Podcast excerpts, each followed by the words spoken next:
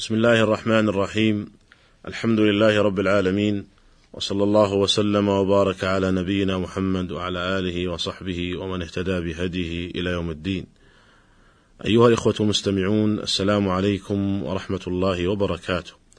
كنا قد تكلمنا في الحلقة السابقة عن أبرز صور بيع التقسيط ونستكمل في هذه الحلقة الحديث عن جملة من المسائل المتعلقة ببيع التقسيط.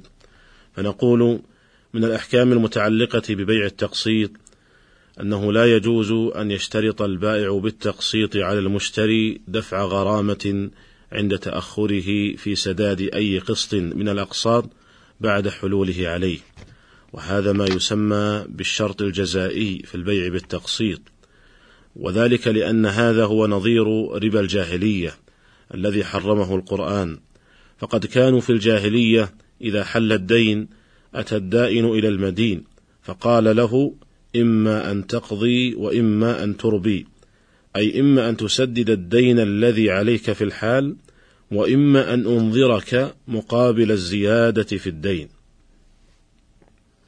وقد جاء في أحد قرارات المجمع الفقهي لا يجوز الشرط الجزائي في البيع بالتقسيط بسبب تأخر المدين عن سداد الأقساط المتبقية. سواء كان بسبب الإعسار أو المماطلة. وجاء فيها أيضا إذا تأخر المشتري المدين في دفع الأقساط عن الموعد المحدد فلا يجوز إلزامه أي زيادة على الدين بشرط سابق أو بدون شرط لأن ذلك ربا محرم.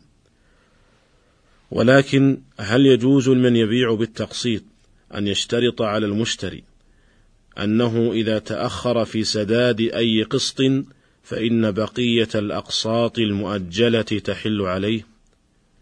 نقول لا يخلو المتأخر عن سداد الأقساط إما أن يكون معسرا أو يكون موسرا مماطلا. فإن كان معسرا فلا يجوز إلزامه بتعجيل الأقساط المؤجلة ولا اشتراط حلولها بالتأخر في أداء بعضها لأن الواجب تجاه المعسر هو الإنظار والإمهال أيا كان سبب دينه. قال الله تعالى وإن كان ذو عسرة فنظرة إلى ميسرة وأن تصدقوا خير لكم إن كنتم تعلمون. فإذا وجب إنظاره بسبب الإعسار في دينه الحال فمن باب أولى أن يبقى دينه المؤجل إلى أجله والا يسقط هذا الأجل بسبب الإعسار. وأما إذا كان المتأخر عن أداء الأقساط موسرا مليا فلا بأس باشتراط حلول بقية الأقساط بالتأخر في أداء بعضها. وذلك لأن الأصل في العقود والشروط الإباحة والجواز إلا ما دل الدليل على منعه. فإذا تم التراضي بين المتعاقدين على هذا الشرط فلا مانع من ذلك. وليس فيه تحليل لمحرم والله تعالى أعلم. قال الإمام ابن القيم رحمه الله إن خاف صاحب الحق ألا يفي له من عليه بأدائه عند كل نجم كما أجله فالحيلة أن يشترط عليه أنه إذا حل نجم ولم يسدد قسطه فجميع المال عليه حال فإن نجمه على هذا الشرط جاز وتمكن من مطالبته به حالا ومنجما. وبهذا الرأي أصدر مجمع الفقه الإسلامي قرارا في دورة مؤتمره السادس جاء فيه يجوز شرعا أن يشترط البائع بالأجل حلول الأقساط قبل مواعيدها عند تأخر المدين عن أداء بعضها ما دام المدين قد رضي بهذا الشرط عند التعاقد. أيها الإخوة المستمعون، وننتقل بعد ذلك للكلام عن أثر الوفاة على حلول الأقساط.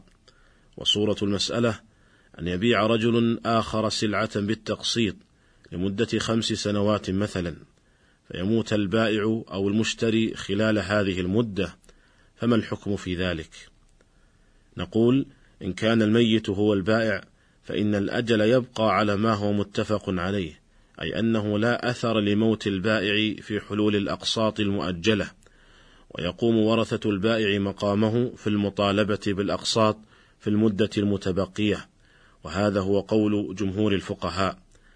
أما إن كان الميت هو المشتري كمن اشترى سيارة بالتقسيط لمدة خمس سنوات مثلا ثم إنه بعد مضي سنة توفي هذا المشتري. فهل تحل الأقساط المتبقية؟ أو أنها تبقى في مواعيد سدادها ويقوم ورثة المشتري مقام مورثهم في هذا؟ اختلف الفقهاء في ذلك على قولين. القول الأول أن الديون المؤجلة تحل بوفاة المدين وإلى هذا ذهب جمهور الفقهاء من الحنفية والمالكية والشافعية وهو رواية عند الحنابلة. والقول الثاني في المسألة أن الديون المؤجلة لا تحل بموت المدين بشرط أن توثق برهن أو بكفيل مليء. فإن تعذر التوثيق حلت الديون المؤجلة حينئذ وإلى هذا القول ذهب الحنابلة. وأقول لعل هذا القول الأخير هو الأرجح في هذه المسألة والله تعالى أعلم. لعله هو القول الراجح وذلك لأن القائلين بحلول الدين المؤجل قد نظروا إلى مسألة رفع الضرر عن الميت بوفاء دينه. ورفع الضرر عن الدائن بمشاركته لأرباب الديون الحالة ورفع الضرر عن الورثة بتمكينهم من قسمة المال بعد أداء الدين. وهذه الأضرار يمكن إزالتها بغير ما ذكر من حلول الدين المؤجل وذلك بتوثيق الدين برهن أو كفيل مليء. وبهذا يرتفع الضرر عن الميت كما دل على ذلك حديث جابر رضي الله عنه في قصة الرجل الذي مات وعليه دين فأتي به للنبي صلى الله عليه وسلم ليصلي عليه. فقال هل عليه من دين؟ قالوا نعم ديناران يا رسول الله. فقال عليه الصلاة والسلام صلوا على صاحبكم. فقام أبو قتادة فقال الديناران علي يا رسول الله. فقال النبي صلى الله عليه وسلم وجب حق الغريم وبرئ منهما الميت قال نعم فصلى عليه فدل هذا الحديث على أن ذمة الميت تبرأ إذا وثق دينه بكفالة. وأما الضرر الذي قد يلحق الدائن بعد موت المدين فإن هذا الضرر يرتفع بتوثيق هذا الدين المؤجل برهن أو كفيل. وأما الورثة فإن القول بعدم حلول الديون المؤجلة على مورثهم بعد توثيقها يحقق لهم مصلحة وذلك في قسمة التركة والاستفادة من الأجل. بل إنه ربما يكون في القول بحلول الديون المؤجلة على الميت أقول ربما يكون فيه إضرار عظيم بالورثة خاصة مع الآجال الطويلة والمبالغ الكبيرة كالمنشآت الكبيرة التي يؤدى من ريعها الأقساط.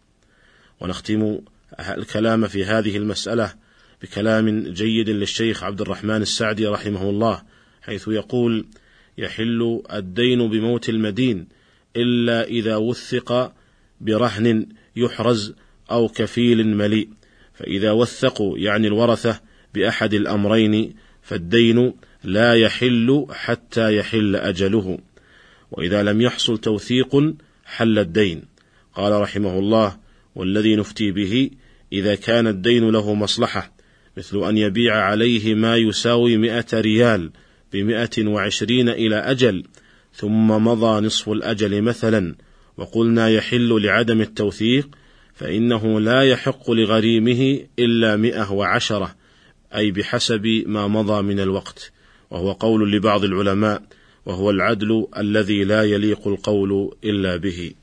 أيها الإخوة المستمعون هذا هو ما اتسع له وقت هذه الحلقة ونلتقي بكم على خير في الحلقة القادمة إن شاء الله تعالى. والسلام عليكم ورحمة الله وبركاته.